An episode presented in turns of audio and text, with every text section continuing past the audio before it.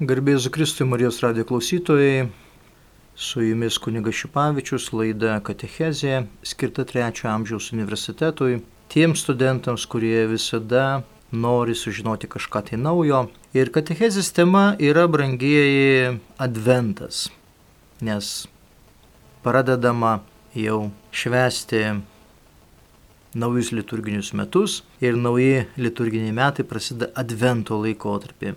Taigi, kas tai yra tas adventas, e, turbūt jau visi žinome, nes kiekvienais metais mus primena bažnyčia, primena iš tikrųjų dvasininkai ir e, primena turbūt visas krikščioniškas pasaulis, kas tai yra tas adventas. Tai yra keturios savaitės, kuomet mes laukiame Kristaus gimimo šventės. Tai yra pasiruošimas. Tai yra tas laikotarpis toksai susikaupimo, kuomet mes susikaupę laukiame to stebuklo, kuris įvyko prieš daugiau kaip 2000 metų. Tačiau galbūt kyla tokie kiti klausimai, kurie, na, ne kiekvieną dieną yra nagrinėjami. O kodėl būtent turėjo užgimti Jėzus Kristus? Kodėl jisai turėjo ateiti į žemę kaip dievų sūnus ir e, priimti žmogaus kūną. Kodėl jisai turėjo kentėti, kodėl jisai turėjo na, mirti ant kryžius ir prisikelti. Kodėl jisai turėjo, na, pasirinkti tą kelią per švenčiausią mergelę Mariją. Nors šitie teologiniai terminai, taip terminai, tos temos, jos yra ne vieną šimtmetį gvildenamos, tačiau žmogui vis reikia priminti. Taigi šios dienos katechezėje mes brangiai kalbėsime apie patį Jėzaus Kristaus asmenį, apie jo gimimą, apie jo ateimą į šitą žemišką, netvarų pasaulį. Dažnai mes girdime tą terminą, kad Jėzus yra Dievo sūnus, Jėzus yra būtent Mesijas. Mesijas arba atpirkėjas. Ir mums tiems paprastiems žmonėms arba europiečiams yra, na, sudėtinga suprasti, kas tai yra tas mesijas, kodėl jisai vadinama mesiju. Mesijas tai yra aramėjiškos ir hebrajiškos kilmės žodis, reiškiantis panašiai kaip ir graikiškasis terminas Kristos - pateptasis. Pateptasis arba išrinktasis tas, kuris, na, įgauna labai svarbę misiją. Toks apibūdinimas apaštų laikais tampa Jėzaus tikruoju vardu ir palaipsniui įgyja prasme kitų titulų, kuriuos savo prisitaikė Jėzus. Šis terminas gerai išryškina glaudų ryšį tarp Jėzaus asmens ir tūkstančius metų besitęsiančių vilčių žydų tautos, laukiančios mesijo Dovido sūnaus ateimo. Nemažiau naudojamas Sename testamente bei judaizme žodis pateptasis. Nėra toks turtingas savo reikšme nei terminas Kristus Naume testamente. Reikėtų nekreipti, nukreipti mintis į pačią pradžią tos leksikos ir stebėti kaip ji Naujame testamente pasikeitė dėka apreiškimo šviesos per Jėzaus mokymą ir veiklą. Pasižiūrėkime į Seną testamentą, ką Senasis testamentas kalba apie tą pateptąjį arba apie tą mesiją. Sename testamente terminas pateptasis visų pirma taikomas karaliui. Jis žymi ir kitas individualybės, būtent kunigus, bet labiausia išliekančias žymes eskatologijoje ir žydų viltise paliko vis tik pirmoji reikšmė. Mesijas tampriai yra sėtinas su karaliaus asmeniu. Dėl to labai buvo sudėtinga suderinti tą naujojo testamento skelbimą, kad Jėzus yra Mesijas. Dėl žydai klausė, o tai kodėl jisai nėra karalius, kodėl jisai negimė karaliaus rūmose. Ir pirmas toksai būtų punktas nuo karaliaus iki karališkojo mesijo. Dievo pateptasis istorijoje. Dėka patepimo, kuris yra pateptojo paėmimo Dievo dvasios nusavybėms simbolis, karalius konsekruojamas, kad atliktų Dievo vietininko Izraelio funkciją. Toji konsekracija karaliaus karūnavime yra labai svarbi apieiga.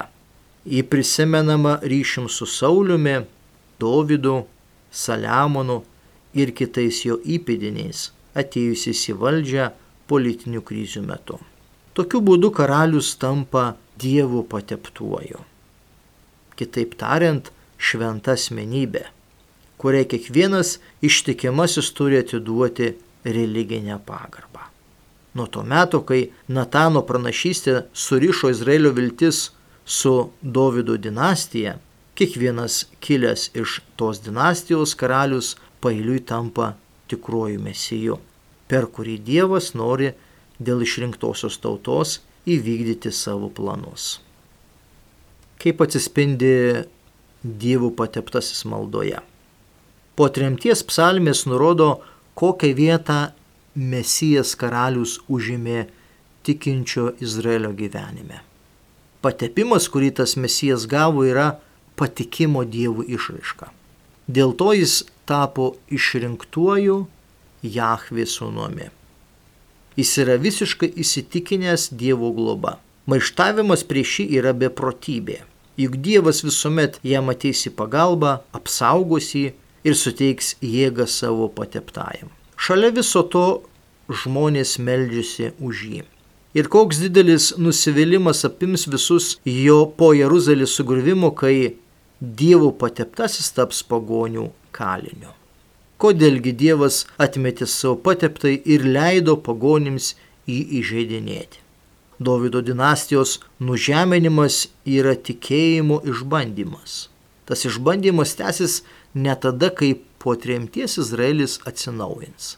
Iš tikrųjų viltis prikelti dinastiją atgaivintą trumpam laiku per Zorobabelį greitai užgeso. Zorobabelis niekada negaus karūnos ir jau niekada Mesijas karalius nestos žydų tautos prieš akiją sekantis toks pamastymas dievų pateptasis eschatologijoje. Pranašai dažnai labai griežtai valdančiam jų įsitikinimu neištikimam pateptajam visas Izraelio viltis kreipė į būsimą į karalių, kurio beje niekada nevadino mesiju. Karališkasis mesianizmas išsivysto laikotarpėje po tremties, atsimenant pranašų pažadus. Karališkosios psalmės, kurios kalbėjo kadaise apie esamą pateptąjį, dabar gėdos kitokią dvasę. Kviečia galvoti apie būsimąjį pateptąjį, apie mesiją tikrąją to žodžio prasme. Visų pirma, jos aprašo jo garbę, kovas, pergalės ir taip toliau.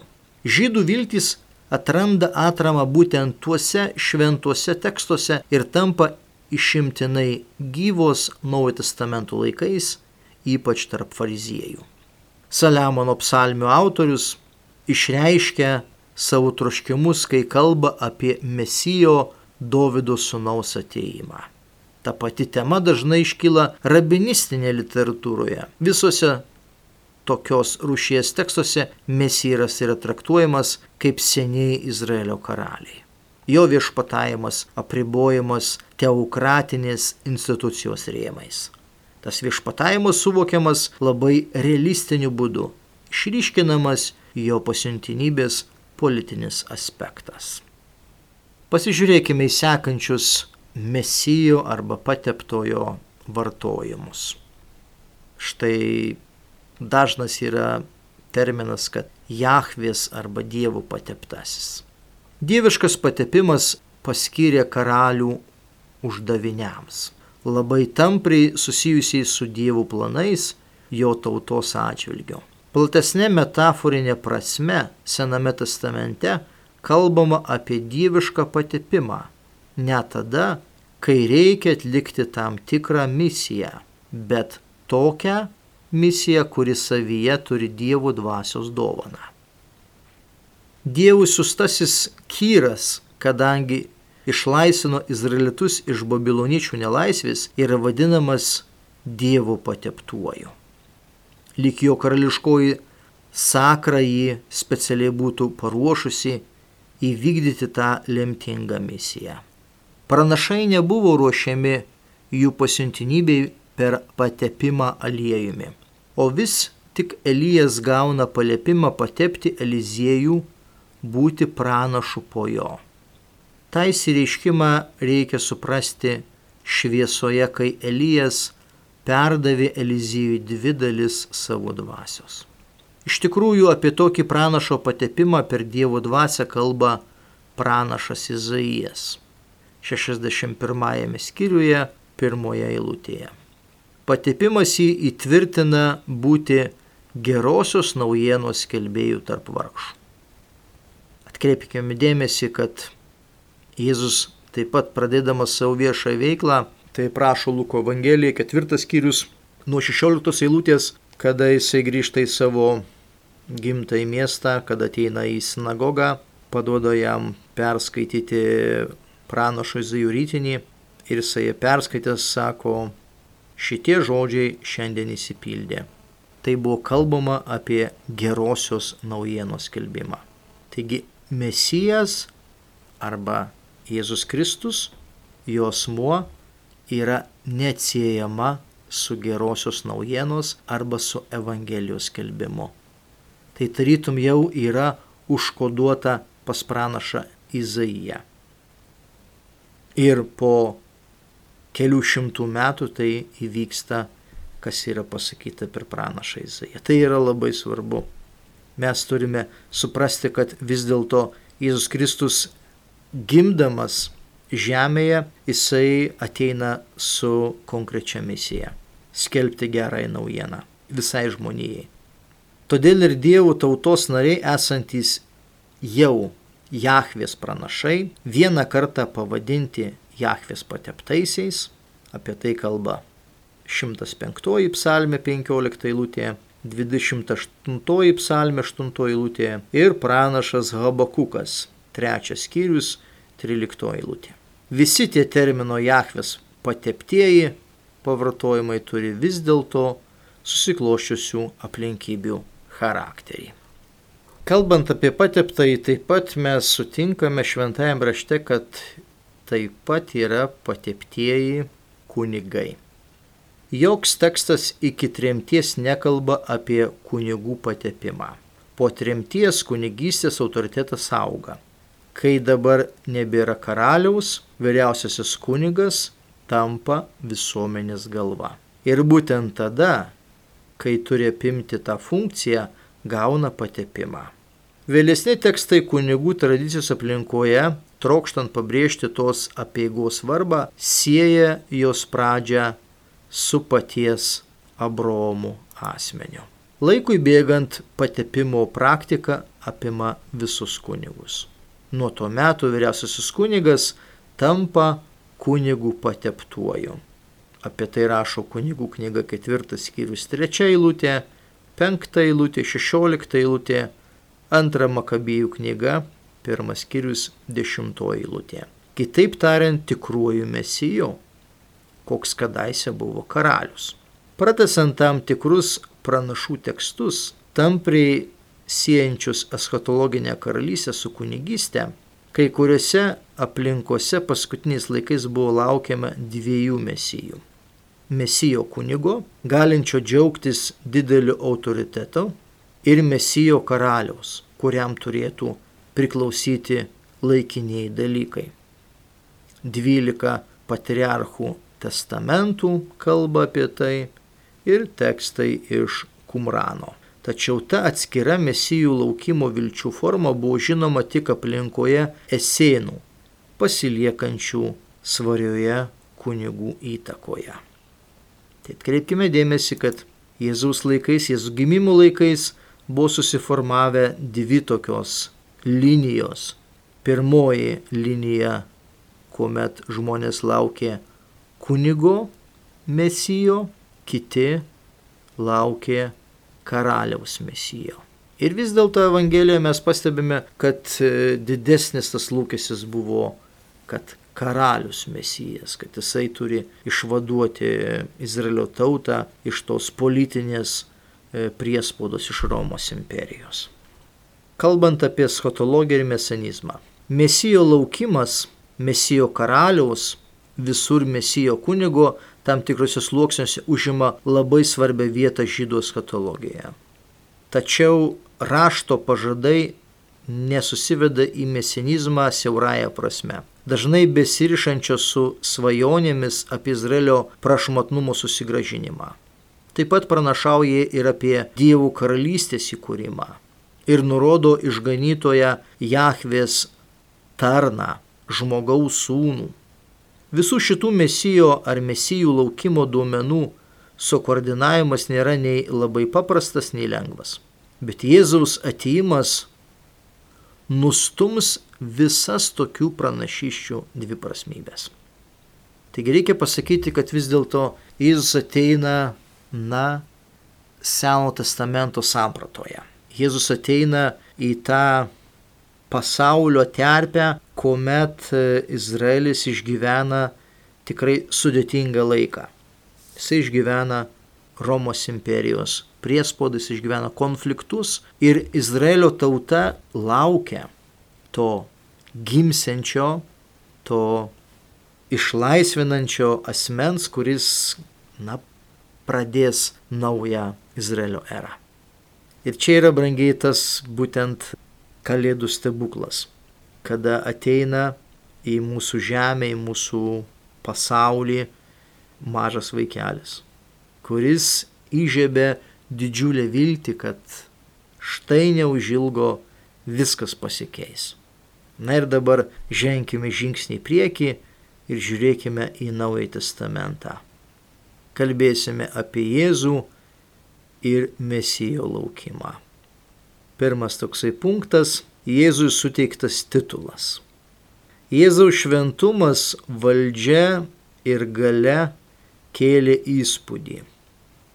Apie tai kalba Katrijono Evangelija 7 skyrius 31 eilutė.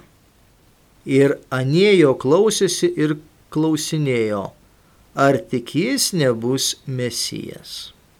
Apie tai kalba taip pat Jono Evangelija, ketvirtas skyrius 29 eilutė ir septintas skyrius 40 eilutė ir sekančios.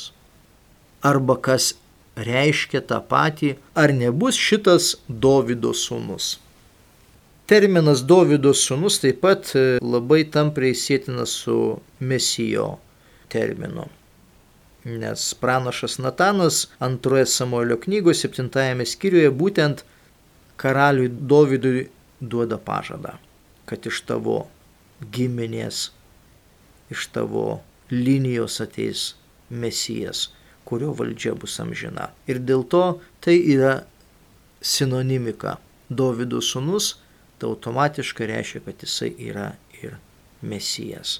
Ir priremė jį, kad atvirai pasakytų. Jono Evangelija 10 skyrius 24 eilutė yra diskusija apie Jėzų ir Jėzaus klausia, ar tu tikrai yra mesijas.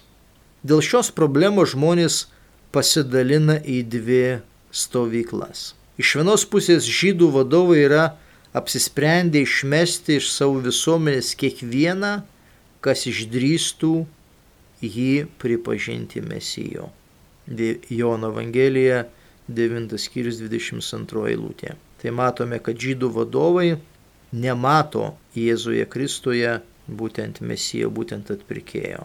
Jie laukia to karaliaus mesijo arba bent kunigo mesijo, bet ne mokytojo iš Galilėjos. Iš kitos pusės tie, kurie šaukėsi jos stebuklus darančios galios, atvirai jį vadina Davido sūnumi. Apie tai kalba Mato Evangelija, 9 skyrius 27 eilutė, 15 skyrius 22 eilutė ir 20 skyrius 30 eilutė. O jo kaip mesijo vertė yra objektas jų tikėjimo išraiškingų įvykių. Tokį tikėjimo išpažinimą sudeda pirmieji mokiniai gavę krikštą. Jono Evangelija, pirmas skyrius 41 eilutė, 45 ir 49 eilutės. Arba morta, kurie apsireiškia kaip prisikėlimas ir gyvenimas. Jono Evangelija 11 skyrius 27 eilutės. Štai Jono pirmas skyrius 41 eilutė sako, jis pirmiausia suieškojo savo brolį Simoną ir jam pranešė, radome Mesiją. Išvertus tai reiškia Kristų. Tai štai pirmoji eilutė, kuri kalba apie toliau 45 eilutė. Pilypas susitiko Natael ir sako jam, radome tą, apie kurį rašė Mozė įstatymę ir pranašai. Tai Jėzus iš Nazareto, Juozapo sūnus. Ir 49 eilutė. Natanaelis sušuko rabė, tu Dievo sūnus, tu Izraelio karalius. Ir štai va iš šitos 49 eilutės mes matome, kad vis dėlto, na, Izraelio tauta labiau tiki Mesiją kaip Izraelio karalių nei į kunigą. Sinoptikai referuoja ypatingai iškilmingoje formoje Petro tikėjimo išpažinimą. O jūs kuo mane laikote? Petras atsako, tu esi Mesijas, gyvojo Dievo sūnus. Tikėjimas tas yra autentiškas, bet netobulas, nes su titulu Mesijas dar siejama laikinosios šio pasaulio karalystės perspektyva. Na ir dabar pasižiūrėkime, kokia yra Jėzaus pozicija Mesijo atžvilgiu.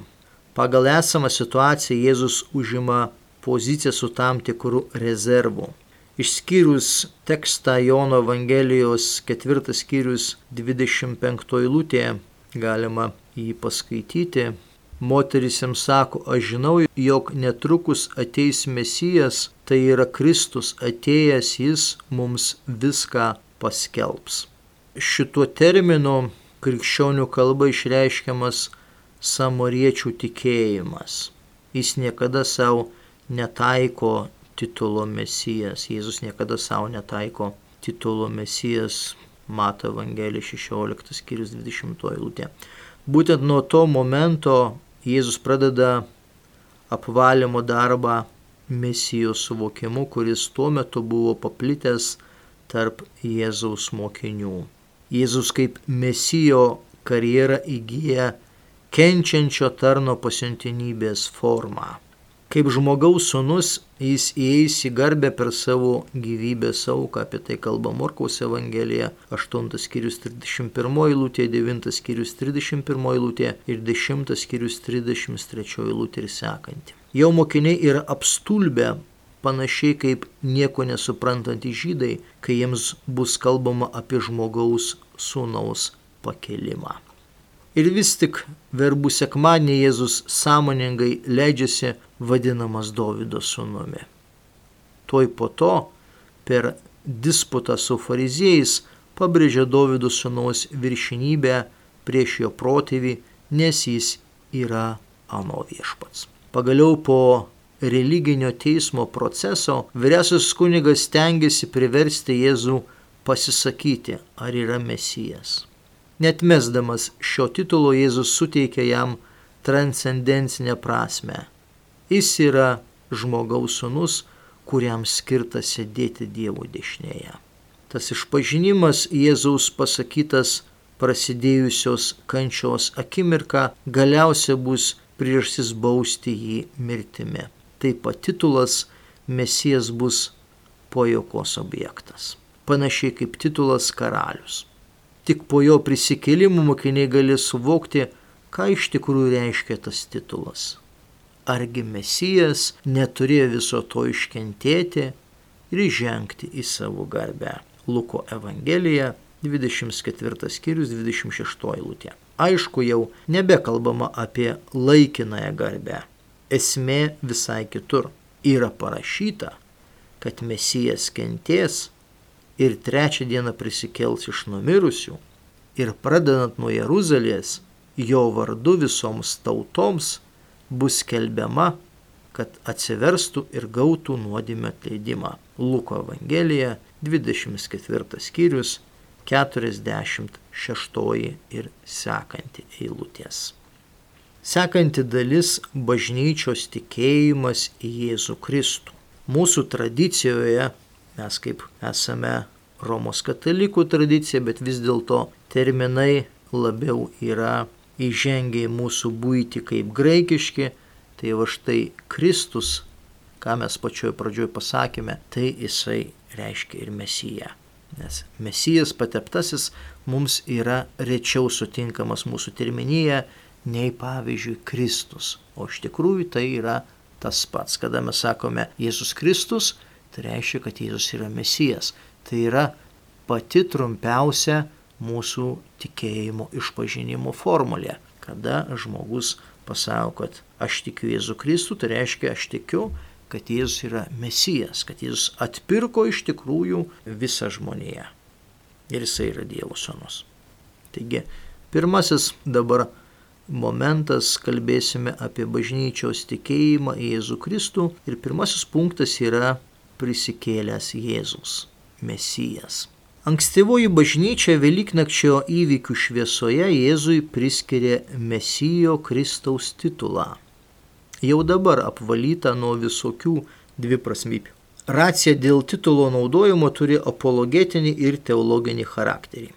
Reikia įrodyti žydams, kad Mesijas jų vilties objektas jau atėjo Jėzaus asmenyje. Tas įrodymas paremtas labai solidžia teologija, patvirtinančią dviejų sandorų testinumą ir matančią antroje sandoroje išpildymą pirmosios. Tokiu būdu Jėzus apsireiškia kaip tikras Dovido sūnus. Jau nuo pat prasidėjimo iš šventosios dvasios Jėzus paskirtas gauti Dovido savo protėvio sostą. Jėzui yra pranašaujama gauti Dovido savo protėvio sostą. Kad pabaigoje suklestėtų Izraelio karalystė, per Dievo karalystės įvedimą žemėje. Prisikėlimas buvo iškilmingas jo įvedimas į karališką garbę, dabar kai jau gavo iš tėvo šventosios dvasios pažadą. Dievas padarė viešpačių ir mesijų tą Jėzų, kurį jūs nukryžiavote. Apie tai kalba pašlų darbai, antras skyrius, 36 eilutė. Tačiau toji garbė jam priklauso nuo pradžios naujo kūrimo, buvusiųjų dievų pateptųjų laikinoji garbė yra tik tolimas tos garbės atspindys. Antras punktas - Jėzaus Kristaus titulai. Nepaliaujamai sujungtas su Jėzaus vardu apibrėžimas Kristus nepaprastai prasiplečia, nes visi kiti susijęs su Jėzaus asmenio titulai įsilieja į jį.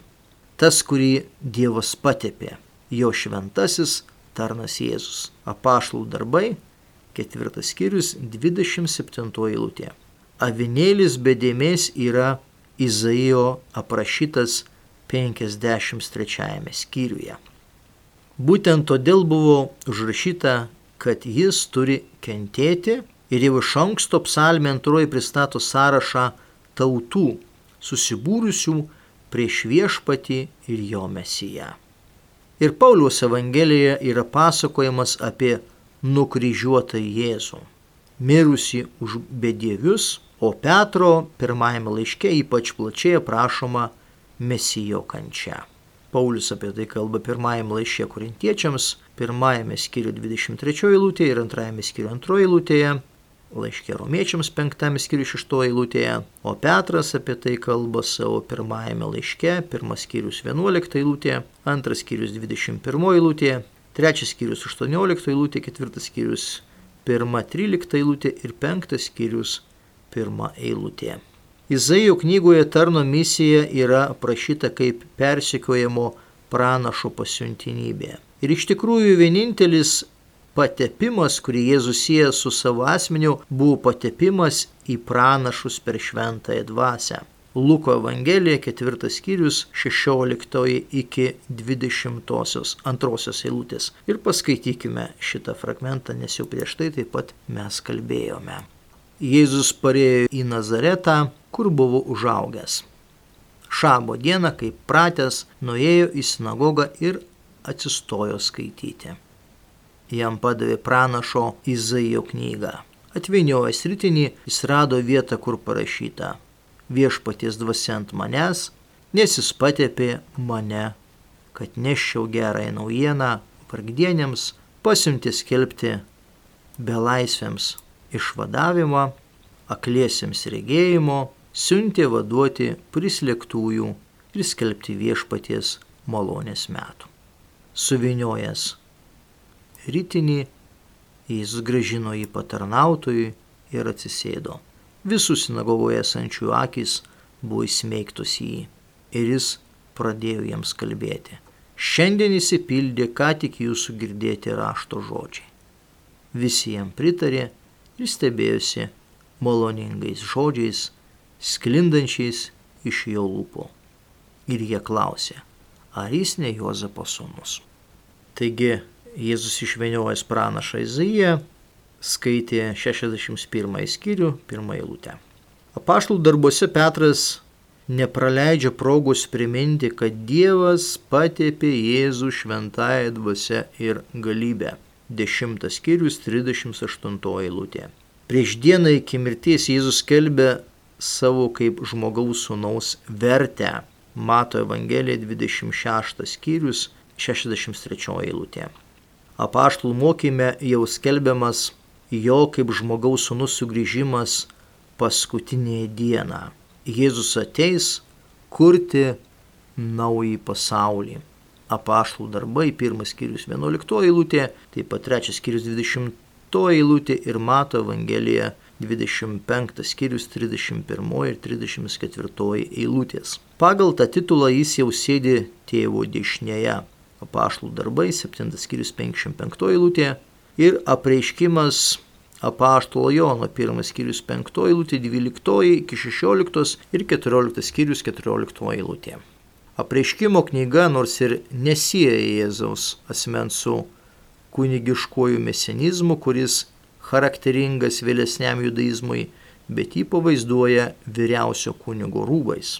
Apreiškimo knyga, pirmas skyrius 13 eilutė, o laišką žydams apgėda jo karališkąją kunigystę įveda vieną kartą ir visiems laikams vietoj Arono kunigystės. Be bejonės jam teikiamas aukščiausias titulas viešpats. Jis yra Kristus viešpats. Kalbama paštlų darbuose, antras skyrius 36 eilutė, taip pat Luko Evangelija, antras skyrius 11 eilutė ir antras laiškas korintiečiams, ketvirtas skyrius 5 ir sekanti eilutė. Mūsų viešpats Jėzus Kristus apaštlų darbai, 15 skyrius 26 eilutė. Iš tikrųjų, jo prisikėlimas parodė, kad jis turi garbę didesnę už bet kokią žmogišką. Kristus yra Dievo sūnus, pilniausia to žodžio prasme. Yra pats Dievas. Apie tai kalba laiškas romiečiams ir pirmas laiškas Jono 5 skyrius 20 eilutė. Kristus tai nėra vienas iš daugelio jo apibūdinimų, Ta žodis tapo kaip jo asmens vardu, apėmęs visus kitus titulus. Todėl ir tie, kuriuos jis išganė, labai tiksliai pavadinti krikščionėmis. Sekantis titulas, kuris taip pat liečia Jėzų, tai yra tas Jėzus. Tas vardas visų pirma reiškia tai, ką įprasta žmonių kalboje apibriežti vardu, o ypač Biblijos mąstymo būdę. Vardas apibrėžia tam tikrą esmę, jos konkrečią ir asmeninę individualybę, jos specifiškumą. Jis, o ne kažkas kitas. Jis ir vien tik jis, tas Jėzus. Taip apibrėžia daugelį tekstų. Apaštlų darbai, pirmas skyrius 11 eilutė, antras skyrius 36 eilutė, penktas skyrius 30 eilutė ir devintas skyrius 17 eilutė. Tas apibrėžimas aiškiai ar nelabai aiškiai išsakytas krikščionių beveik visada nurodo pagrindinę tiesą, kad asmuo apsireiškęs kūne ir dieviškoji būtis tikėjimo objektas yra vienas ir tas pats. Dievas padarė viešpačių ir mesijų tą Jėzų, kurį nukryžiavote tas Jėzus paimtas nuo jūsų į dangų sugrįž taip pat. Mes tik regime tą trumpam laikui mažesnį negu angelai Jėzų už mirties kentėjimus apvainikuotą didybę ir garbę. Laiškas žydams, antras skyrius devintoji lūtė. Tokios pat rūšies yra apreiškimas Sauliui Damasko kelyje, kurio dėka jis atsivertė. Aš esu Jėzus, kurį tu persekioji. Apaštų darbai 9 skyrius 5 eilutė, 22 skyrius 8 eilutė ir 26 skyrius 15 eilutė. Apreiškimas ne tik atskleidžia persekiotojui viešpaties glaudžiai susijęta su jo išpažinėjais buvimą, bet ir suteikia progą stebėti tapatumą, taip staiga jam pasirodžiusios dangiškosios esybės ir to Galilėjos, kurį Saulis su didžiausia nepykanta persekiojo. Nors Paulius priklausė tiem žmonėms, kurie nepažino Jėzus pagal kūną, tačiau jį pagavo Jėzus Kristus visiems laikams. Paulius apie tai užsimena laiškė filipiečiams. Jis aukoja visas asmeninės naudas, kad tik laimėtų Kristų. Galingasis Kristus, pripildęs visą visatą savąją dievybę, lieka toliau tas pats Kristus. Kaip esame prieėmę viešpatį Kristų Jėzų, taip ir gyvensime jame. Laiškas kolosiečiams, antras skyrius, šeštoji lūtė. Sekantis terminas yra Jėzus Nazarietis, kaip žmogus gimęs iš moters pavaldus įstatymui. Jėzus į pasaulį atėjo tam tikrų apibrieštų laikų - Kvirinui valdant Siriją, Juozapo iš Dovido namų, paprastoje šeimoje, gyvenusioje Galilėjos mieste, kuris vadinasi Nazaretas. Vardas, kur, kurį jis kaip ir kiekvienas žydų berniukas gavo apipjaustimo metu, nėra išskirtinis Izraelyje. Tačiau Dievas būtent šitame vaike apsireiškia Emanuelio, Dievas su mumis. Tokiu būdu realizavo pažadą duotą pirmajam Jėzui, Jozujai, kad bus su juo ir apsireiš kaip Jakvė išganytojas. Ir atrodo tokia paprasta jo kilmė, kad prie jo vardo nepridėjo nei jo tėvų ir protėvių vardų, kaip dažniausiai buvo daroma garbingose šeimose, o paprasčiausiai pavadino jį pagal gimtojo miesto Nazareto vardą. Vėliau Mato ir Luko genealogijoje buvo pabrėžta Jėzaus karališkoji giminė, o štai pirmosiuose tikėjimo išpažinimuose buvo populiarus vardas Jėzus Nazarietis. Apie tai kalba Jono Evangelija. 19 skyrius 19 eilutėje apaštalų darbai, 22 skyrius 22 eilutėje, 4 skyrius 10 eilutėje, 7 skyrius 14 eilutėje ir 22 skyrius 8 eilutėje. Jėzus Evangelijose. Apie Kristų ir jo veiklą Evangelija pasakoja naudodamas Jėzaus vardu. Tačiau dažniausiai jis vadinamas rabė, tai yra mokytoju. Po jo mirties ir po išengimo į garbę daugiau pradėtas vartoti žodis viešpats. Tačiau Evangelijoje be kelių išimčių vartojamas vardas Jėzus. Nėra čia koks dirbtinis bandymas perduoti ano metų kalbėseną buvusią prieš krikščioniško tikėjimo atsiradimą, kai Jėzus dar nebuvo pilnai savęskleidęs ir kai daugelis žmonių matė jame tik žmogų.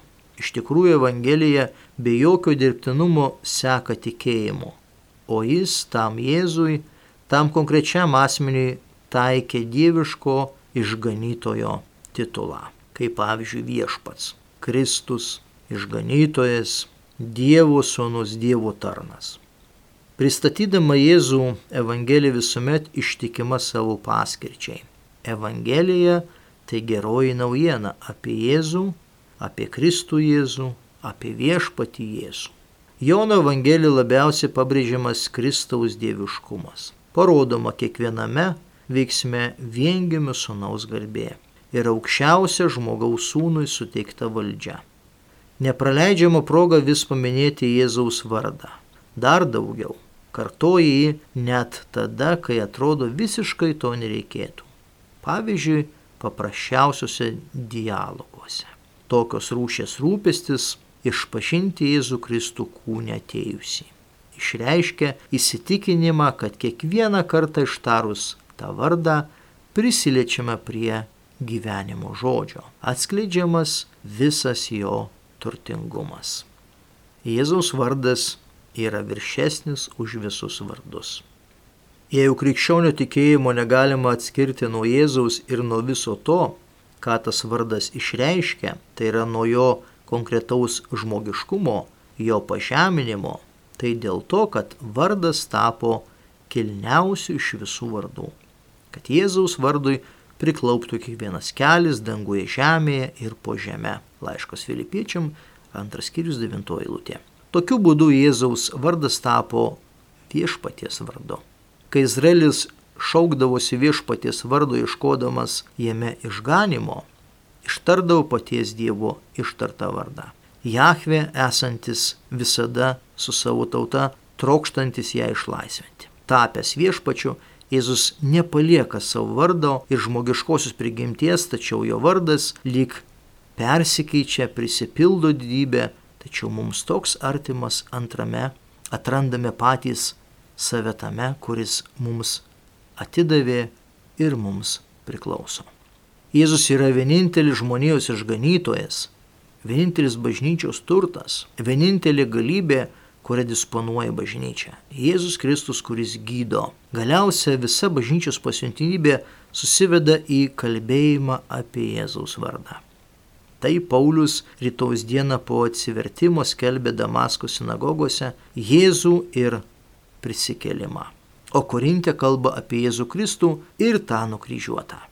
Visas krikščionio gyvenimas yra savęs aukojimas dėl mūsų viešpatys Jėzus Kristaus vardo o didžiausia laimė yra užsitraukti panieką ar net mirti dėl viešpaties Jėzaus vardo. Taigi, brangieji, užbaigėme katechezę adventinę apie Jėzaus Kristaus asmenį, apie tą asmenį, kuris iš tikrųjų išpildo Seno testamento pranašystės, kuris išpildo e, Dievo tėvų valią, tapdamas mesijų, tapdamas pateptuoju ir labai ryškiai suspindi tas būtent pranašo Izaijo 61 skyriaus pirmosios eilutės kalbėjimo būdas, kad Mesijas pateptasis arba Kristus tai yra tas asmo, kuris skelbia gerą naujieną, kuris skelbia Evangeliją. Ir mes, krikščionys, gyvename ant to Evangelijos pagrindo jau 2000 metų. Taigi, mąstykime, išgyvenkime Advento laikotarpį su gimsenčiu Jėzumi Kristumi, su jo iš tikrųjų pagrindiniu tikslu paskelbti žmonijai gerąją naujieną Evangeliją. Laida Katechezė skirta trečio amžiaus universitetui kalbėjo kunigas Lina Šipavičius. Visiems gero, ramaus adventinio laiko.